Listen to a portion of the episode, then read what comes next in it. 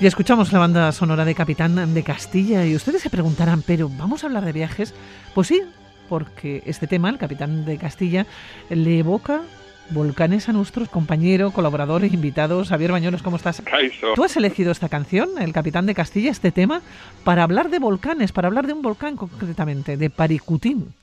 Pues sí, sí, lo has dicho bien, ¿eh? porque es que cada vez que, que oigo esta, esta música me acuerdo del Paricutín y viceversa, ¿eh? cada vez que veo el Paricutín me acuerdo de, de, esta película porque hombre, las escenas finales están rodadas, eh, bueno, no solamente las, las, finales, la verdad es que se ve a lo largo de, de, la película en un par de ocasiones por lo menos, están rodadas allí, ¿no? En, en, con el Paricutín eh, de fondo, ¿no? Con erupción, uh -huh. además del Paricutín.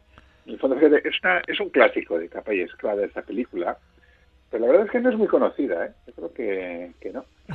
eh, es, fue dirigida por Henry King y protagonizada por Tyrone Power, que hace de, de, un capitán castellano, Pedro de Vargas, que se tiene que marchar de, de, Castilla por una ofensa que le hace a un noble y no sé qué, ¿no? Y bueno, y tenía como partener a Ian Peters, ¿eh? que hacía de Katana Pérez y que, bueno, eh, yo creo que era la primera película así importante que hacía Luego también está César Romero, John eh, Lee J. Cobb, en fin. Y la banda sonora fue nominada al Oscar. Es la banda de Alfred, una banda sonora de Alfred Newman, uh -huh. que es uno de los grandes ¿eh? de, de, la música de, de, Hollywood. Bueno, pues el caso, el caso es que coincidió el rodaje de la película, que se rodó en México, porque la película narra un poco las aventuras de este, de este capitán que se enrola eh, con Hernán Cortés para conquistar México. ¿no? Y, y casualidad, eh, en, esa, en esos años y en el momento en que se rodó la película, el Paricutín entró en erupción. Y bueno, pues aprovecharon para, uh -huh. con una fotografía, por cierto, muy bonita, eh, ponerlo como telón de fondo de, de algunas de las escenas de, de la película. Oye, eh, Xavier, vamos a situarnos. Nos has nos llevado a México directamente, sí, ¿no? hemos ido a México eh, concretamente al este de Ciudad de México. Nos vamos al estado de Michoacán, eh, al estado de Michoacán y vamos a, a su ciudad principal, a, a, Uruapan, a unos 35 kilómetros de, de, Uruapan, en una aldea pequeñita de unos 3.000 habitantes que se llama Angahuán, ¿eh? que es, eh, bueno, el estado de Michoacán y toda esta zona es la tierra de los Purépechá.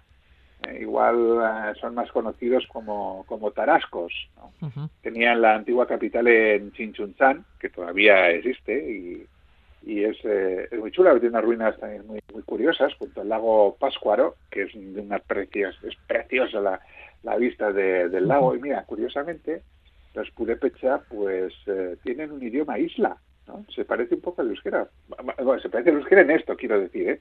que es una isla, un, un idioma isla dentro de lo que es América, ¿no? Eh, aunque bueno, hay quien le busca cierto parecido con el guari peruano, pero, pero vamos, sí, sí, es, es, una zona muy chula. Bueno, pues aquí nos vamos, a esta zona de México. Bueno, el volcán, por cierto, el más joven del mundo. Bueno, el más joven del mundo. Eh, eso es lo que pone en algunos sitios. Tú vas a, a leer y sí. por internet. Mm, yo creo que no. Eh, es uno de los más jóvenes. Eso sí es verdad porque estamos hablando de un volcán que nace en 1943 pero después ha habido también eh, otros volcanes, por ejemplo, en la isla de Surtsey, en Islandia, en 1967, eh, que una, una erupción allí en mitad del mar y, salió la isla de, de. El Teneguía, eh, por, por, lo menos el, cono de Cumbre Vieja, es de 1971. Estamos hablando de La Palma. En, me acuerdo, por ejemplo, en, en Islandia también, en el 73, en las islas de Resmaneyer, en Elfeld, en la misma capital de las Esmaneyer, en Heimei, también surge un volcán. Bueno, no hace tanto hay un volcán submarino en la isla de Hierro, en el 2012. Eh, en fin, quiero decir que no es, no es el más joven, pero sí se encuentra entre, entre los más jóvenes, ¿no? Y desde luego eh, sí es el más joven, eso sí, del cinturón volcánico norteamericano, ¿eh? que yo sepa por lo menos, y es uno de los pocos que está 100% documentado, porque surgió de la nada de repente y la, los investigadores y los investigadores inmediatamente fueron a, a estudiarlo y bueno, pues eh, ha sido documentado prácticamente desde su nacimiento. Oye, ¿tipo de volcán? A ver, es un volcán eh, de, los, eh, de, los, que se conoce como cono de escoria. ¿eh? Un volcán cono de escoria es, es un volcán que se forma por los fragmentos volcánicos que se van acumulando tras la erupción. ¿eh? Entonces surge la erupción, el volcán expulsa un montón de, fragmentos de todo tipo y se van acumulando formando un cono. ¿eh? Se crea un edificio volcánico en forma de cono. Y también se trata de un volcán que se denomina monogenético. ¿eh? Es decir, que se genera a partir de un único periodo eruptivo. Es decir, erupciona una vez, se crea todo este edificio volcánico y el volcán, digamos que muere. Ya no vuelve a, erupcionar. ¿eh? No es como otros volcanes que permanecen activos durante miles y miles de años a veces y que de vez en cuando erupcionan. Estos no, los monogenéticos normalmente no. Lo que hacen es eh, erupcionan una vez y luego, si acaso, eh, si hay una, una erupción, se puede producir en las cercanías creando otro cono. Pero normalmente eh, estos volcanes erupcionan una vez y listo. Eh, has hablado de 1943, pues estamos hablando de uno de los más jóvenes eh, del mundo. Claro, ¿cómo, ¿cómo surgió y cómo ha ido evolucionando? Porque ahora, si nosotros llegamos allá, ¿qué es lo que vemos? Bueno, a ver, la verdad es que el susto que se debió de, de pegar Dionisio Pulido cuando andaba allí trasteando en su maizal, en su milpita, debió de ser morrocotudo. Estamos hablando del 20 de febrero de 1943, un sábado a las 17.00. Fíjate hasta qué punto se sabe. Está documentado, ¿no? Sí, sí, total, totalmente. Eh, y hablo de Dionisio Pulido, que era un campesino purépecha de, de la zona de, allí, de, Michoacán, eh, que bueno, tenía su milpita, ¿no? Y de repente empezó a temblar la tierra eh, no le dio mucha importancia al principio porque, bueno, pues llevaba un tiempo que andaba así con temblores y tal, pero de repente empezó a haber una erupción y que se fue formando un cono, un cono volcánico, ¿no? Se suele decir de, este Dionisio Pulido que es el único, la única persona que tiene un volcán en su propiedad, pero que realmente dejó de tenerlo todo, porque, claro, tuvieron que salir eh, escopetados, ¿no? A ver, es un, es un volcán que está relacionado con la subducción es decir, subducción es cuando una placa tectónica se mete debajo de, otra, ¿no? Pero está relacionado con la subducción de las placas tectónicas de Cocos y Rivera, que es una microplaca que está en la zona, digamos, oeste de, la costa mexicana, ¿no? Entonces, estas dos placas tectónicas se meten bajo la placa norteamericana y ahí se crea eh, un punto débil de fricción por donde eh, surge el magma de, debajo de la Tierra. Entonces, esta erupción, que como digo, empezó el 20 de febrero de 1953, duró nueve años, entre el 43 y el 52.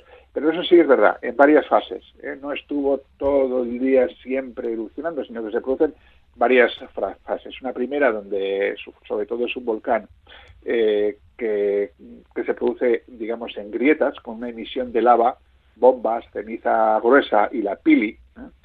¿eh? La pili son, son piroclastos.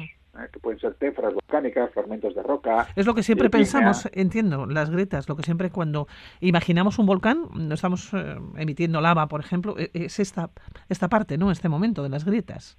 Sí, claro, bueno, no, pero no, siempre surgen en grietas, otras veces surgen de otra manera, ¿no? Pero bueno, en este caso lo que se hace es surgen pequeñas fisuras en las grietas y empieza por ahí a salir el, todos estos, digamos, eh, eh, pues eso, la lava, las bombas y demás, que se van, que como hemos dicho antes, se van acumulando, formando un, un, cono que en ocho meses ¿eh? alcanzó los 365 metros. Es decir, que en ocho meses se había formado una montaña de 365 metros. Bueno, después hubo una segunda fase con una sucesión continua de emisiones de lava, también por grietas y diversos conductos secundarios, y luego eh, una tercera etapa donde se reactiva el cono principal con nuevas emisiones de lava y ahí sigue creciendo el volcán hasta los 424 metros que alcanzó en, en 1944.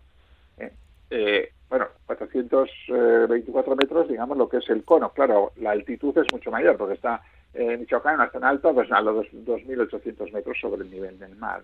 Y luego también le apareció un cráter lateral, lo que se llama un cráter parásito, que es el Zapichu y que todavía se ve. Bueno, el, el caso es que la lava recorrió unos 10 kilómetros más o menos, era una lava lenta, progresiva, de hecho no causó víctimas directas. ¿eh?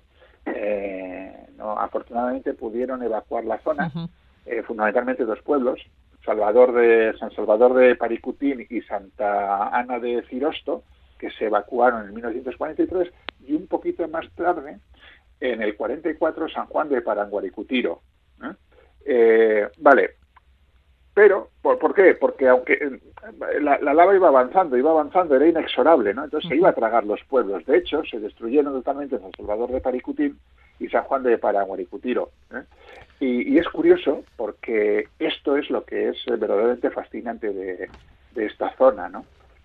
Porque es que la lava literalmente se tragó los pueblos.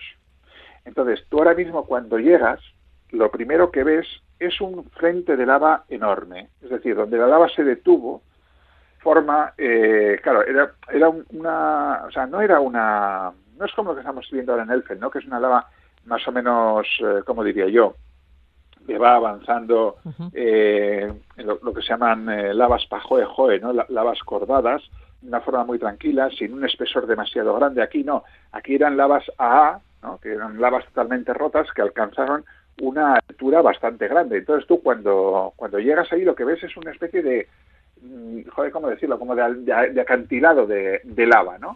Al cual tienes que subir para, para poder ver todo lo que es la antigua colada. Eso te iba a decir, eh, ¿cómo se asciende, por ejemplo, ¿no? Al volcán. No, bueno, antes de llegar al volcán hay que llegar, hay que ascender a la, a la colada, a la de, colada lava. de lava. Eso es. Entonces, una vez que has ascendido a la colada de lava, no, hay caminos, está, está ya todo más o menos preparado para que tú puedas subir, ¿eh? no, hay, no hay ningún problema.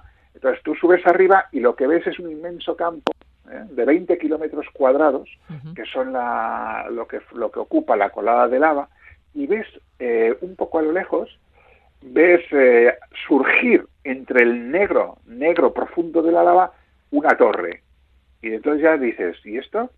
Claro, entonces tú te acercas y, llegas a la iglesia de San Juan, a la, a la antigua iglesia de, San Juan, del pueblo de San Juan de Paranguaricutiro, porque real, la lava, según fue avanzando, como digo, se comió el pueblo. El pueblo, sí. Sí, la lava se fue metiendo entre, las, entre, los, entre los edificios, entre la lava, los terremotos, los piroclásticos, los piroclastos se fueron enterrando, se fueron eh, eh, cayendo las, las paredes, eh, pero claro, la iglesia resistió, por lo menos parte de la iglesia. Entonces tú puedes ver una especie de mare magnum eh, totalmente caótico de lava que entra dentro de la iglesia, eh, rompe las paredes, parte de ellas sobresalen de la lava y sobre todo sobresale la, la iglesia, la torre de la iglesia de, de San Juan, ¿no?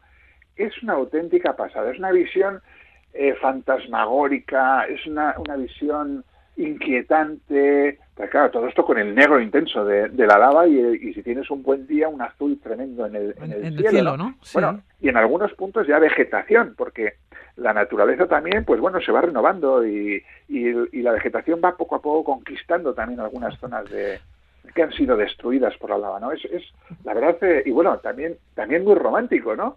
Es, eh, no sé, es una visión realmente sobrecogedora, muy fantasmagórica. ¿eh? me, quedo, me quedo con esa, con esa sí, sí, y además el volcán al fondo, ¿no? Entonces, ¿Cómo, llegamos hasta allá? Porque habrá personas ahora mismo que nos estén escuchando que se le estarán preguntando, ¿no? Que, quieren ir. ¿Cómo, ¿Cómo vamos? Bueno, primero pues llegas a México. Bueno, claro, primero hay que ir a México, eso sí. Primero hay que ir a México, ¿no? Y luego de, desde México pues vas a, a Uruapan. hay autobuses desde, desde, el, desde Ciudad de México ¿no? Entonces llegas a Uruapan. Y una vez que estás en, en Uruapan, pues eh, hay, hay, un, hay un... Bueno, puedes hacerlo con un viaje organizado, con guías y tal, o, o, simplemente tomas un autobús. ¿eh?